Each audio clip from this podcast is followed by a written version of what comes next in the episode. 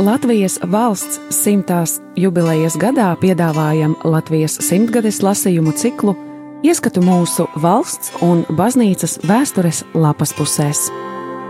Julians Vaivots Septiņi mēneši Liepājas cietoksnī.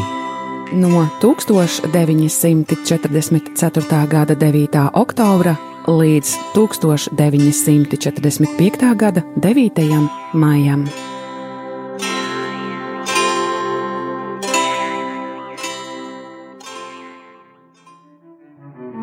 1945. gada 27. martā. Katrā daudzmaz organizētā valstī ir divas iestādes, kuras redzot gribas pārmest krustu un teikt: Dievs pasargā mani no tām. Tās ir cietums un nespējnieku nams. Pirmajā mitinās garīgā, jeb pareizāk morāliskā, un otrajā fiziskā nabadzība. Par cietumu to var teikt, par cik viņā tiek ieslodzīti īsti noziedznieki, kādiem cietums ir domāts. Diemžēl bieži gadās, ka cietumos smok ideālākie tautu locekļi un cīnītāji par augstākiem mērķiem.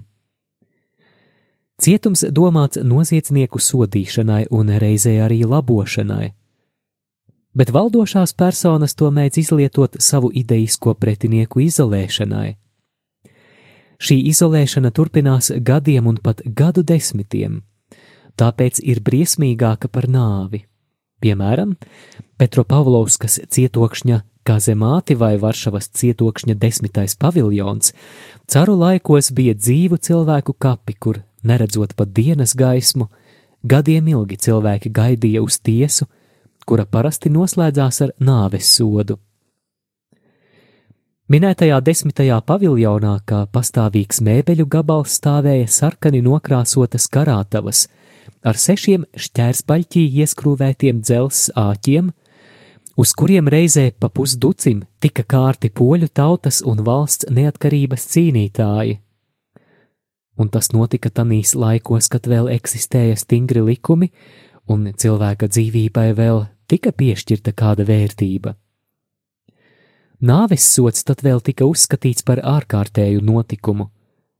Tāpēc, neskatoties uz poļu vajāšanu no 1905. līdz 1908. gadam, jau minētā paviljonā ar cara valdības norīkojumu tika pakārti tikai 1200 poļu patrioti. Thank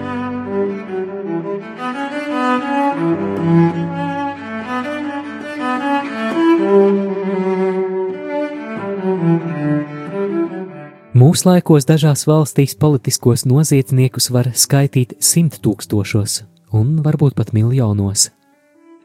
Nu pat, piemēram, Bulgārijā vienā paņēmienā uz nāvi tika notiesāti 1200 cilvēki.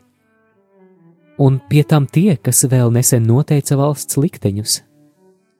Pat prinču Anglijas karaļu radu dzīvības netika audzētas.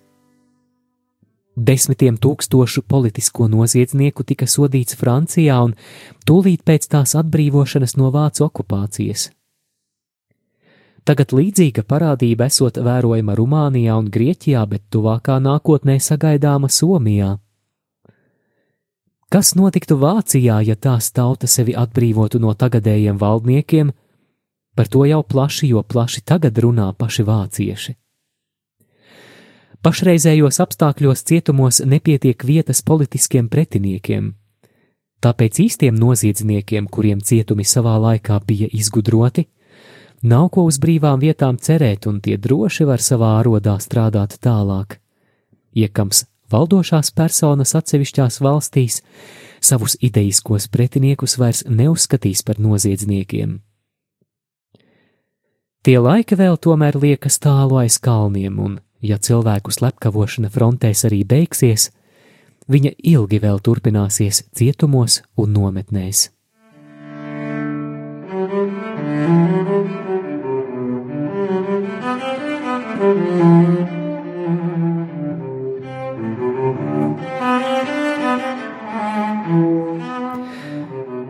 Rakstot par nespējnieku mājām, es gribēju tikai atzīmēt savu šīs dienas apmeklējumu Liepājas nespējnieku patversmē.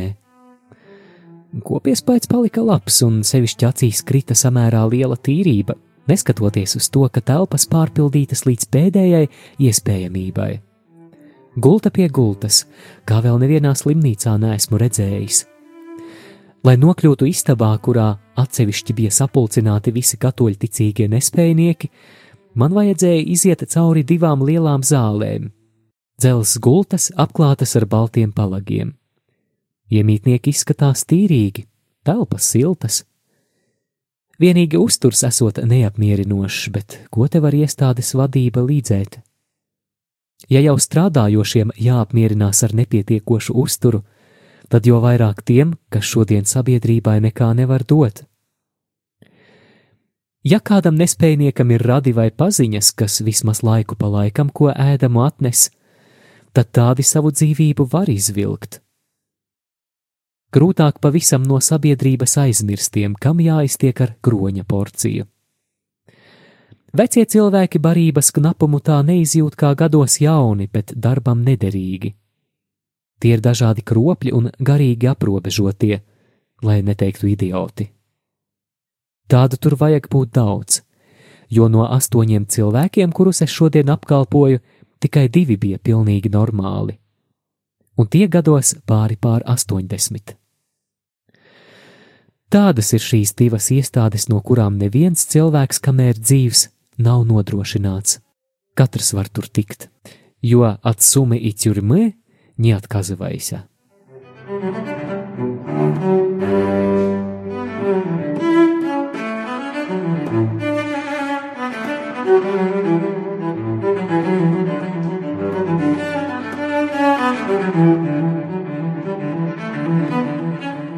945. gada 28. martā Laikam sakarā ar skolu lietu nodošanu Nacionālās komitejas kompetencē Svētdien, 25. martā, Liepājā ir notikusi pilsētas un apriņķa tautskolu pārziņu un vidusskolu direktoru apspriede, kuru vadījis vietējais tautskolu inspektors Šēnhofs. Ir runājuši vairāki vadošo iestāžu pārstāvji, starp tiem arī direktors Niedres kungs. Skolu inspektors apspriedes dalībniekus iepazīstinājis ar tagadējo skolu darba stāvokli kurzemē un konstatējis, ka tēvija raksta, ka neraugoties uz ārkārtīgām grūtībām, kādas visām skolām bijis jāpārvar mācību gada sākumā, tagad skolu darbs visumā, ievērojot kara apstākļus, ritot apmierinoši.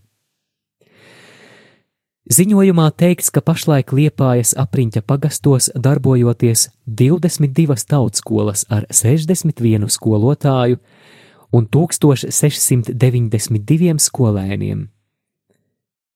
Liepājas pilsētā pastāvot četras tautskolas ar 51 skolotāju un 738 skolēniem, un četras vidusskolas ar 43 skolotājiem un 279 skolēniem.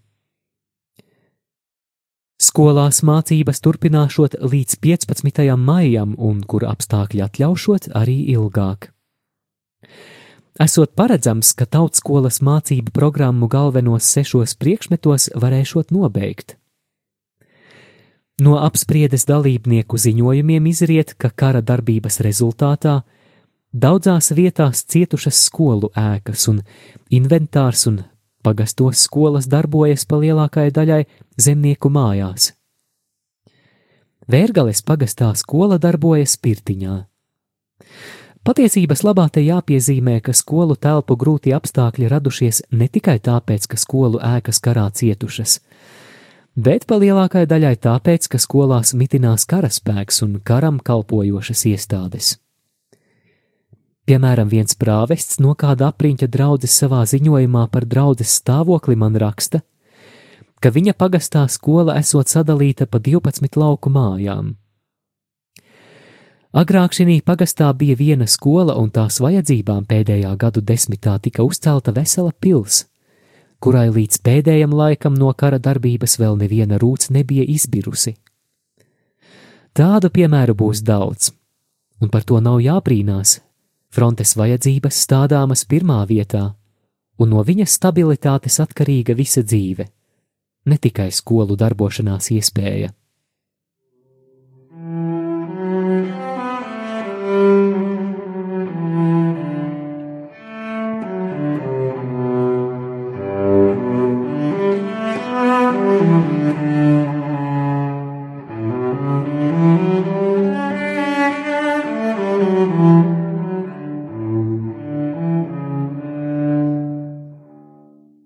Kādas ir tās četras vidusskolas, par kurām minēts ziņojumā, izriet no ziņojuma par Liepājas vakarskolas skolotāju apspriedi, kas arī svētdien notikusi.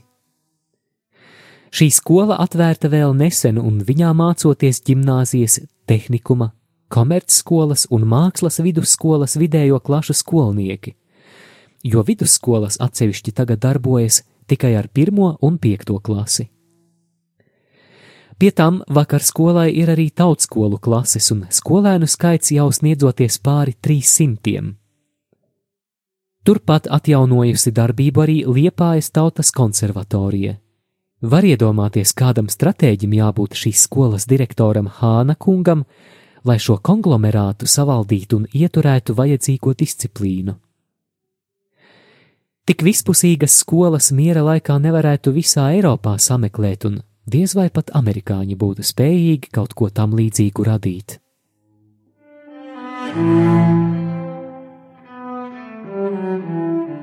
Sirds sažņaudzas šo ziņojumu lasot, jo tā ir skolu lietām īsta nabadzības apliecība.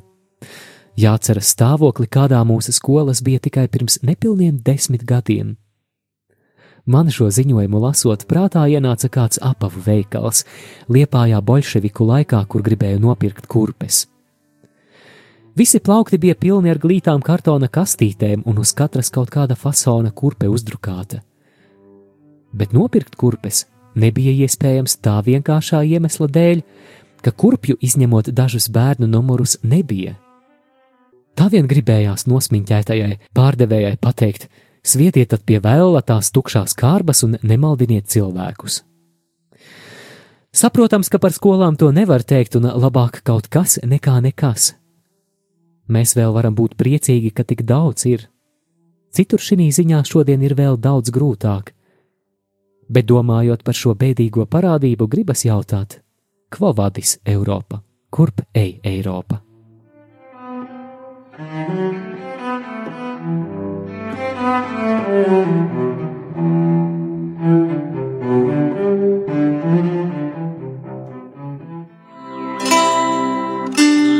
Radio Marija Latvija ēterā Latvijas simtgadēji veltīti lasījumi.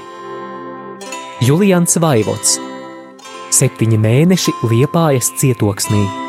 No 1944. gada 9. oktobra līdz 1945. gada 9. maijam.